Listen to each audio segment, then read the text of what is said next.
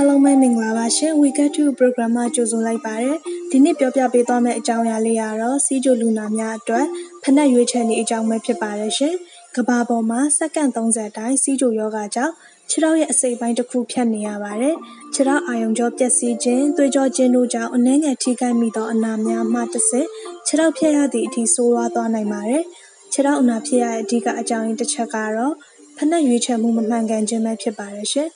ကိုယ်နဲ့သင့်တော်တဲ့ဖိနပ်ကိုစနစ်တကျရွေးချယ်တတ်ဖို့ဆီးချိုလူနာအားလုံးအတွက်အရေးကြီးပါတယ်။လူတဦးနဲ့တဦးခြေထောက်အာရုံကြောအခြေအနေခြေထောက်ပုံစံအနာရှိမရှိစတာတွေပေါ်မူတည်ပြီးဖိနပ်ကိုရွေးချယ်ရတာဖြစ်ပါတယ်။နံပါတ်1အနေနဲ့ကတော့ခြေထောက်လုံးဝထုံနေပြီးထိမှုနာမှုအပူအေးဘာမှမသိတဲ့လူနာများဖြစ်ပါတယ်။အဲ့ဒီလူနာတွေအတွက်အကောင်းဆုံးကတော့ရှေ့မှာခွင်တိုးနောက်မှာကြိုးတိုင်းနောက်ပိတ်ပါတဲ့ကြိုးတိုင်းဖက်နှက်မျိုးကိုစီးတင်ပါတယ်။ ချင်းညက်ဖက်နှက်လုံးဝမစီးသင့်ပါဖက်နှက်ကျွတ်မထွက်ရင်နောက်တိုင်းမပါသောဝင်းဒိုးဖက်နှက်လည်းစီးနိုင်ပါတယ်ဖက်နှက်အတွင်းခြေထောက်ထဲလိုက်ရင်ခြေထောက်များကောင်းစွာဝင်ပြီးခြေချောင်းများပူးနေခြင်းကြက်နေခြင်းမရှိရအောင်နော်ခြေတန်းခြေမများအပြင်ထွက်မနေဘဲလုံခြုံသောဖက်နှက်ဖြစ်ရပါမယ်